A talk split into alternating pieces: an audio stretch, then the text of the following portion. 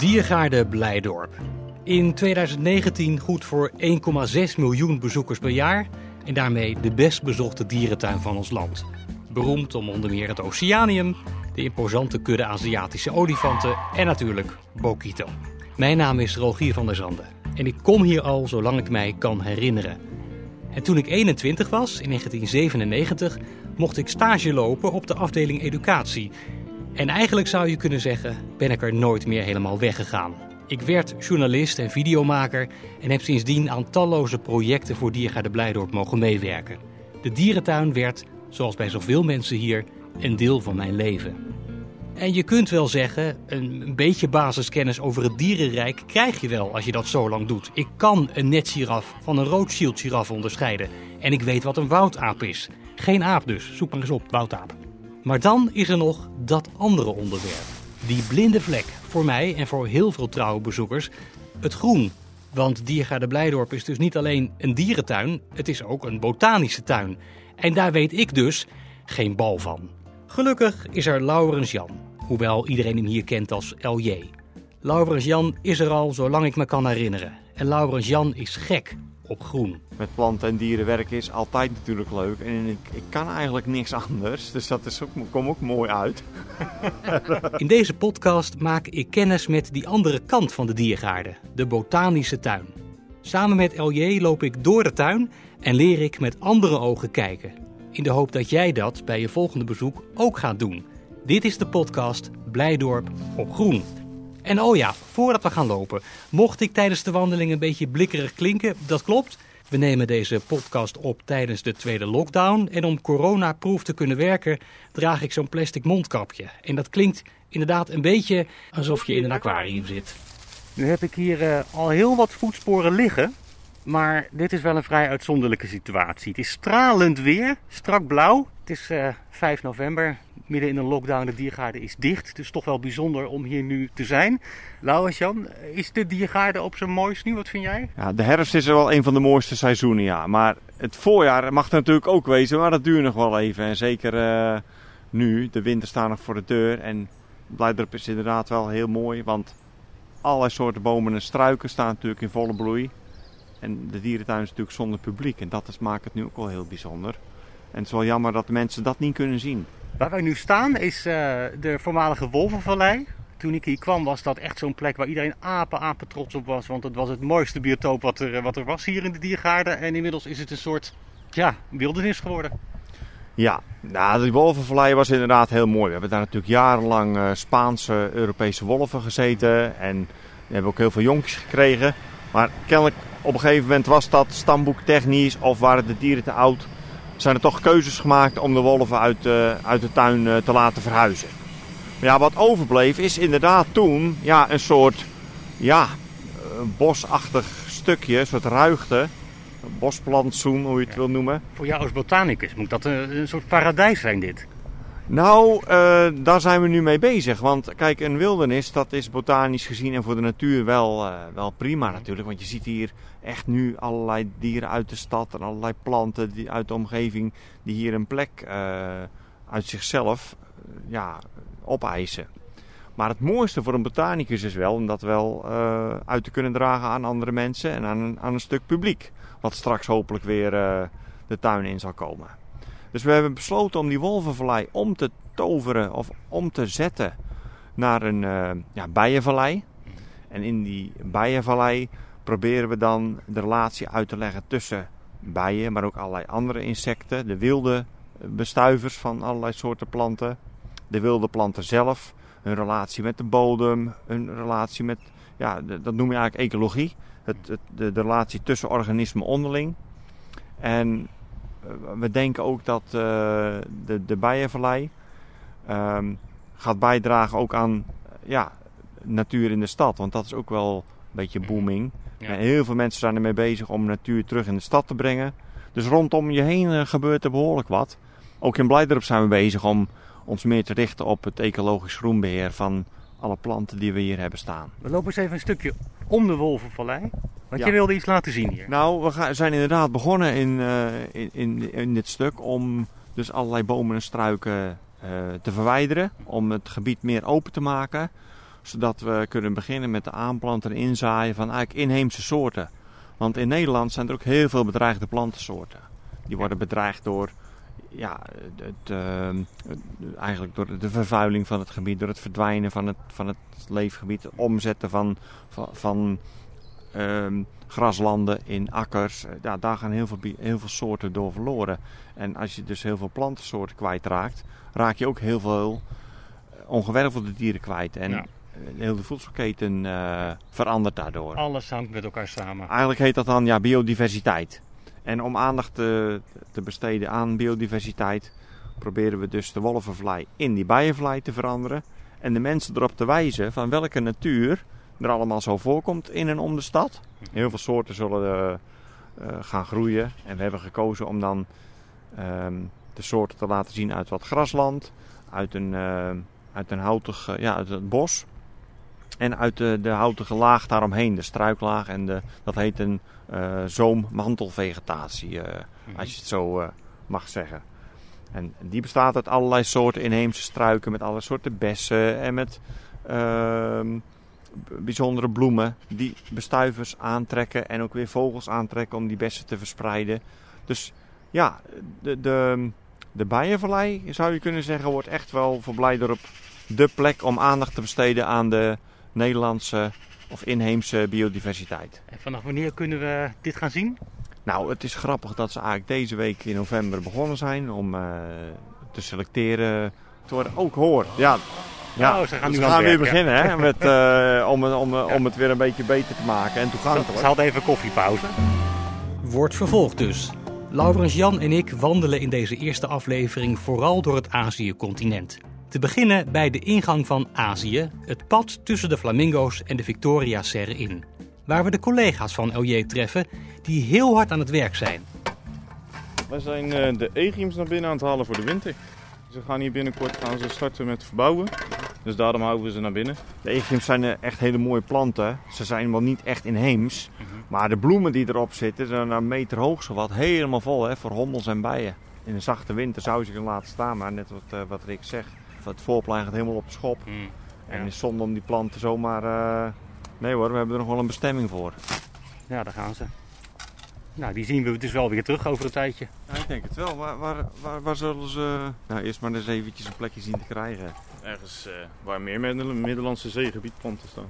Rick, dat gras wat hier ligt, is dat dan iets wat je dan bijvoorbeeld nog aan de geladas kan voeren van de olifanten? Nee, dit is uh, miscanthus. En miscanthus is eigenlijk te scherp om gegeten te worden. Er zijn wel andere grassoorten die we dus uh, op kunnen voeren. Ook wel miscanthus soortjes, alleen deze zelf niet. Wat gaat hiermee gebeuren dan? Uh, de miscanthuspollen die we nou aan het uitsteken zijn, er gaat er een aantal morgen van geplant worden bij de roofdieren. Om het verblijf wat op te vraaien. En de rest wordt opgeslagen bij ons op de kwekerij om volgend jaar gebruikt te gaan worden bij een aantal projecten. Ja, dus eigenlijk wat ik heel vaak doe, omdat ik totaal geen, geen, geen verstand heb van botanische dingen, is dat ik in het voorjaar allerlei dingen uit de grond trek en weggooi. Dat ik denk, nou ja, het zal wel dood zijn. Jullie gooien nooit iets weg, zo te horen. Wij gooien vrij weinig weg, ja. Ja. Sowieso bijna al het bladafval kan wel gebruikt worden als bruis, dus als voer. Ja. En ja, vaste planten die we dus hier her en der uitsteken omdat het te veel worden, proberen we altijd wel een plek voor te zoeken waar het dan weer herplant kan worden. We lopen verder, langs de amoerpanters richting de Chinese tuin. Al na een paar stappen wijst Laurens Jan naar links. Moet je hier nou eens kijken. Wat een droom van een boom. Ja, dat zijn er een stuk of uh, drie, vier uh, rode ja. varenbeuken. En uh, die zijn hier oorspronkelijk, komen die nog van een andere arboretum uit Rotterdam. Arboretum mm-hmm. Trompenburg. Oh ja, dat heb ik al gehoord, ja. Ja, dat is een fantastische collectie eiken en beuken. En in de jaren 50 denk ik dat deze beuken daar toch wel met behulp van Trompenburg van, van Hoei Smit, de, -hmm. de, eigenaar. Hij was een groot bomenverzamelaar. Had toen ook goede contacten met Van Ravenstein om ook het hele tuinontwerp uh, te realiseren. En die zijn samen op pad gegaan om allerlei bomen voor de diergaarden door heel zoeken. Nederland uit te zoeken. Ja, ja. ja. En deze rode varenbeuken horen daarbij. Het is eigenlijk ja, een van de oudste bomen hier als mensen weer eens in de diergaarden zijn bij de Amoerpanters, draai je om en kijk eens even naar die, uh, die vier prachtige beuken die hier staan. Het stomme is dat ik ze natuurlijk ook al jaren zie staan. En nu jij er zo over vertelt, ja. zie ik eigenlijk pas, misschien komt dat ook door de blauwe lucht hoor, ze, dat ze extra mooi... Uh... Ze, hebben, ze danken hun naam Varenbeuk aan het feit dat ze echt die Een, normale beuk heeft gewoon eh, ronde bladeren. Die, die bladrand is gewoon helemaal gaaf. Maar bij een varenbeuk is het echt, zie je echt dat het uh, ja, gekarteld is, ge, ge, ingezaagd. Je hebt inderdaad hier een, een blaadje ja, met van die karteltjes eraan. Ja, precies. En uh, dat, dat, maakt het een heel aparte variant van deze soort. Nu waren we op weg naar de Chinese tuin, hè, die er ja. heel erg Aziatisch uitziet. Ja. Door de prieeltjes en de, de, de, tempeltjes die daar staan, maar toch ook echt door het groen. Zullen we daar eens even naartoe daar lopen? gaan we eens even heen lopen, ja, want daar is het voorjaar alweer begonnen. Daar is het voorjaar begonnen in november? Ja, daar staan nu, nou daar lijkt het op. We hebben daar bijvoorbeeld camellia's, -hmm. herfstbloeiende camellia's. Ja, het woord zegt het al, die, die, of ze zijn heel laat, zo kan je het ook zeggen, herfst, of heel vroeg. Het is maar net waar je je seizoenskalender uh, laat eindigen. En in de Chinese tuin zie je ook enorm die azers, hè, die Japanse esdorens. Er zijn, zijn drie, 300, 300 kleurvarianten van worden ja. daar gekweekt. En ook diverse soorten, tientallen soorten met hun cultuurhybrides. Die worden echt gekweekt voor hun uh, bladkleur en bladvorm. En daar waren die Japanners natuurlijk meester in. Maar we hebben dus Japanse bomen in de Chinese tuin. Uh, nou, ja. maar dat ligt allemaal een beetje door elkaar hoor. Want dit is niet echt een Chinese tuin. Ja, dat, dat is, daar zit een hele. Achter een echte Chinese tuin zit een hele uh, filosofie achter. Ja. Hij wordt wel ook, zo genoemd, maar het is ja, een Aziatische precies, Het is tuin. eigenlijk een soort Chinese sfeertuin. Nou, kijk, weten we dat ook weer. Er staat ook een behoorlijk Hollandse boom in de Chinese tuin. Wat is het eigenlijk, een larix? Ja, zei je? larix. Ja, een Europese larix. En, ook in de eh, Chinese tuin trouwens, voor mochten mensen zich afvragen, ja, waar ja, zijn ja, aan, de rand, aan de rand van de Chinese tuin zeg ik er dan maar snel bij. Ja, zulke grote bomen die waren er al voordat de Chinese sfeertuin werd aangelegd. Mhm. En ja, het zou zonde zijn om... Uh, dat had dat totaal geen zin om dat uh, weg te halen. Staat er ook nog een atlaszeder. Die hebben we gewoon geïntegreerd in het uh, beplantingsplan van die tijd. Uit 1991 stamt de Chinese tuin alweer. Ja. En uh, deze bomen, ja, die, die horen er ook echt wel bij. En we hadden het net natuurlijk over de platanen, hè, die zijn blad verliest. En over de, de varenbeuk uh, en andere loofbomen in Europa die we kennen. En dan hebben we natuurlijk ook nog te maken met bomen die in de winter groen blijven. Mm -hmm. Zo straks mooie voorbeelden van zien. Hè? De camellia, de hulst, de taxus. En dan kom ik al gauw ook bij andere coniferen en, en de dennen. Ja, de kerstboom natuurlijk, die, die zijn allemaal uh, zogenaamd wintergroen. Rhododendrons natuurlijk ook mm -hmm. niet vergeten. Maar uh, die naaldbomen, er is wel één uitzondering van en dat zijn de larixen.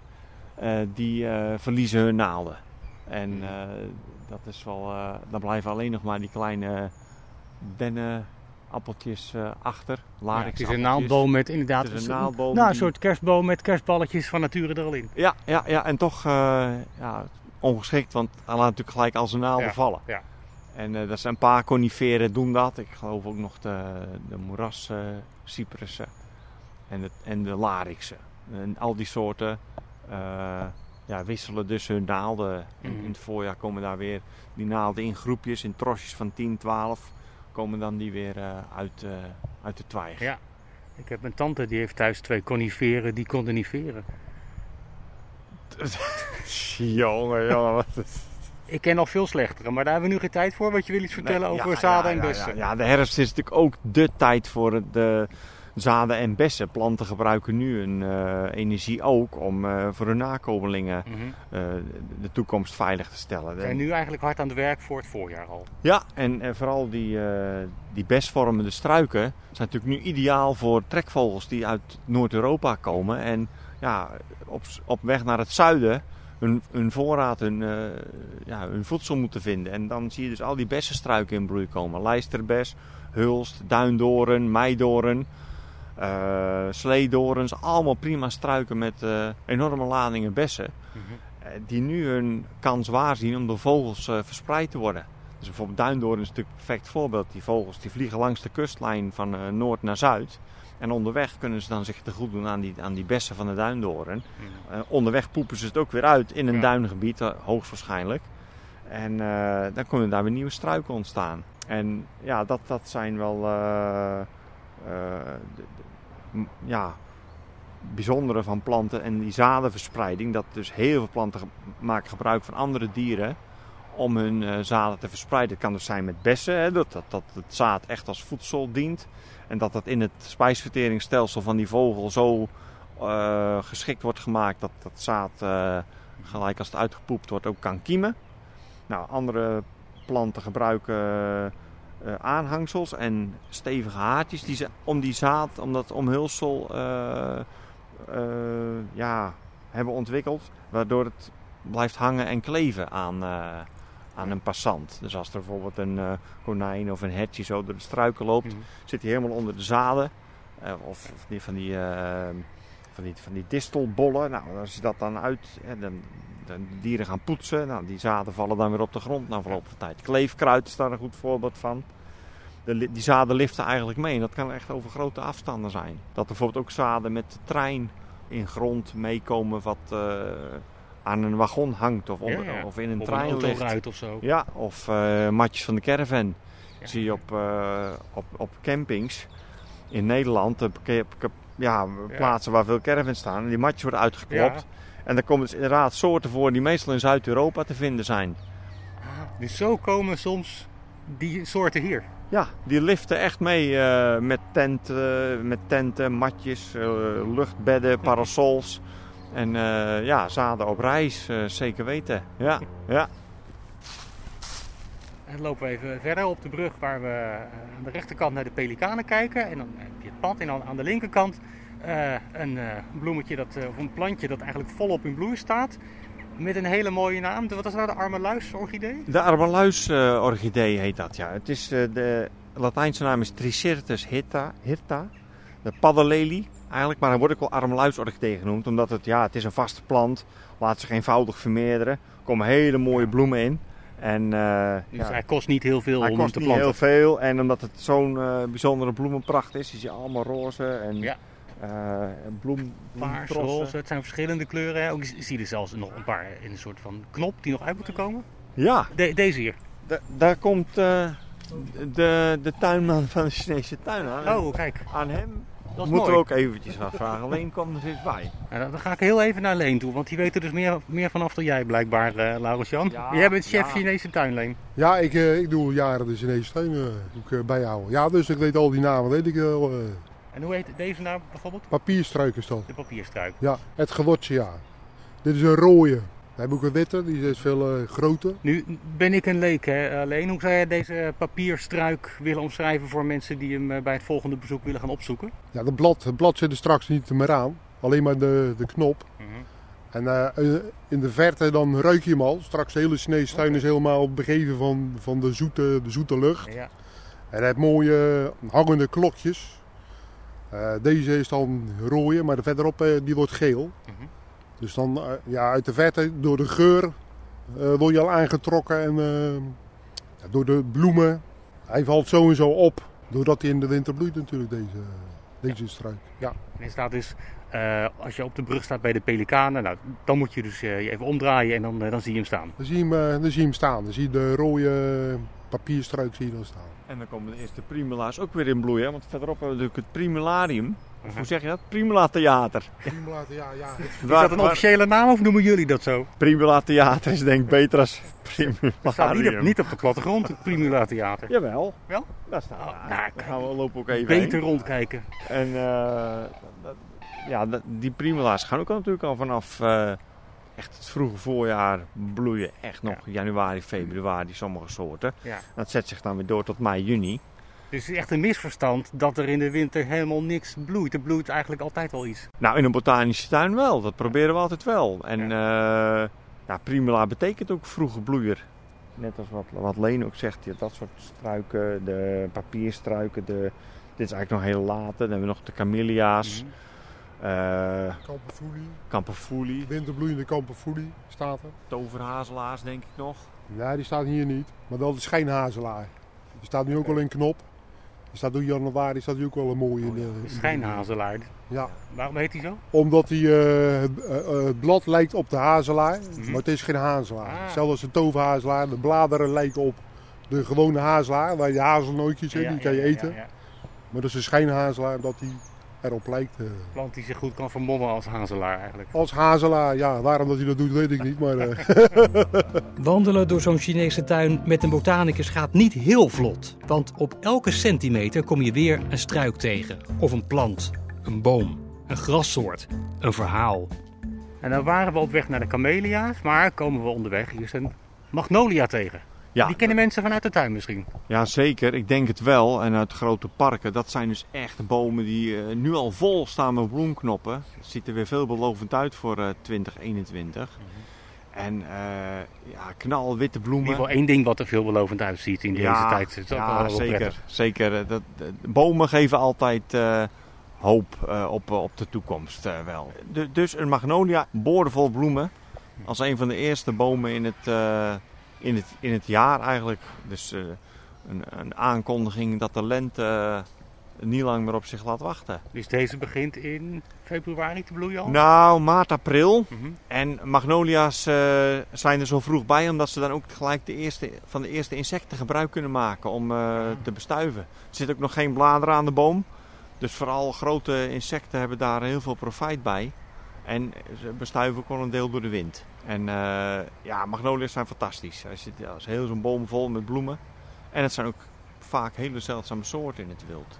Met, met, ja, met uitsterven bedreigd of gaan ook achteruit doordat natuurlijk in Azië, het zijn vooral bomen uit Azische, Aziatische regio's, Mhm. het verdwijnt in hakhout of voor medicinaal gebruik of het verdwijnen van eh, het omzetten van bos in akkerbouw. Ja, al die bomen zijn wel de dupe daarvan. Ja, ja. En eh, gelukkig zijn er heel veel botanische tuinen en bomentuinen die, eh, die zich dat realiseren en, en genetisch materiaal van magnolia's en Mhm. andere zeldzame bomen in hun collectie eh, behouden. Ja. Wij hebben, Blijdorp heeft ja, sinds een paar jaar goed contact met ehm Arboretum Wespelaar Mhm. in, in Vlaanderen. En die hebben een enorme magnolia collectie. En wij zijn er een paar keer op bezoek geweest en contacten gelegd om als wij hier de, de Azië-rots of de bergdierenrots eh, Ja. gaan realiseren. Hè, wat in het masterplan eh, wel gewenst is. Ja. Om dan ook de beplanting, Mhm. ook weer Aziatisch natuurlijk in te vullen. ja. Maar dan echt gericht op eh, be- bedreigde magnolia soorten. Ah. En, en daarvoor heb je dus materiaal nodig wat oorspronkelijk uit Azië, komt.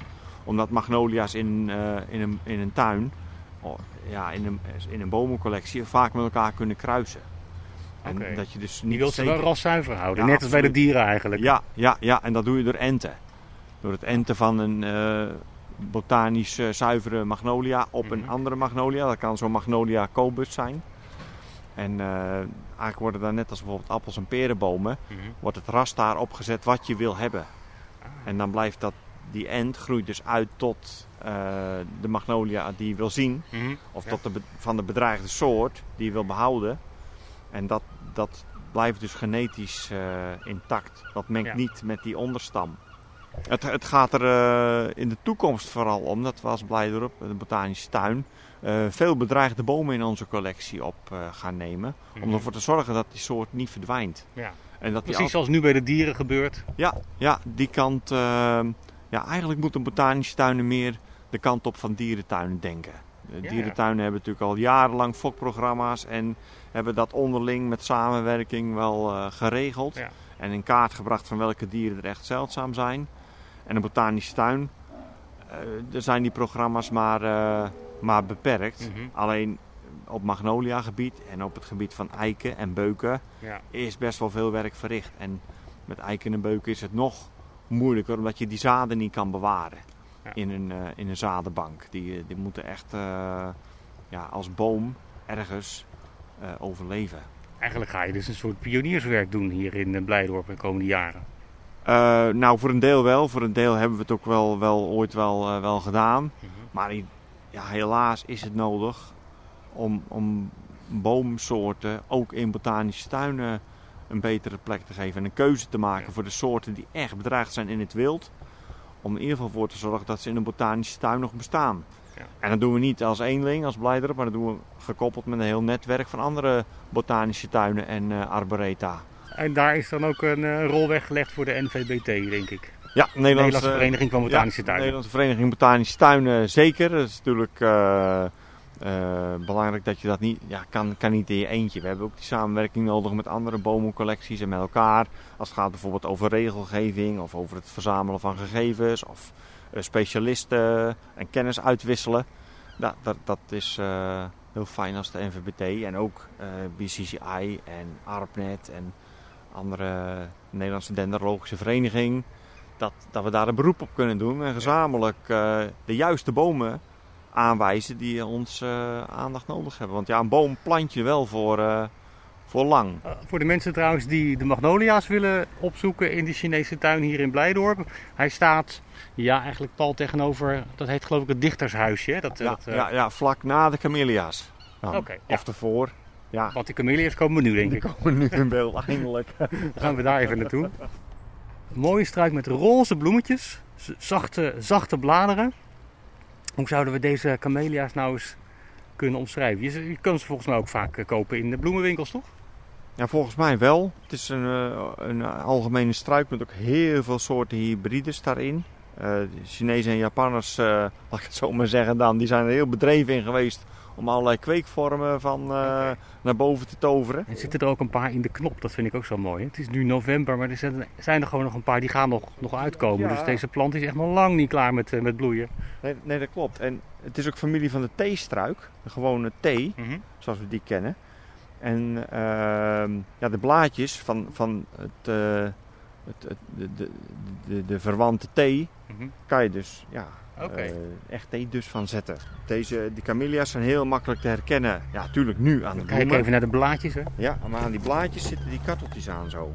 Dat is Oh echt, ja. Heeft hele kleine karteltjes, maar je moet echt goed kijken, want ze zijn echt klein. lijkt een beetje op een ligusterheg, maar het is totaal niet familie. Maar het is echt de THC'en. Hm. Dus weet die familie. Ja. Die hebben als kenmerk dat licht gekartelde blad. Ja. Zo'n kleine gedrongen struik. In het najaar die mooie bloemen, wit of roze. En die eh, ja, een beetje leerachtige, harde, eh, gekartelde blaadjes. Ja. Ja. Je ziet zoveel struiken, zoveel bomen en zoveel planten in de diergaarden. Maar als je er weinig van af weet, zoals ik, loop je er snel voorbij hoor. En je kan ze toch moeilijk allemaal een eigen informatiebordje geven, zoals bij de dieren. Want ja, daar wordt het een soort bordenbos. Maar af en toe een bordje, ja, dat kan natuurlijk wel.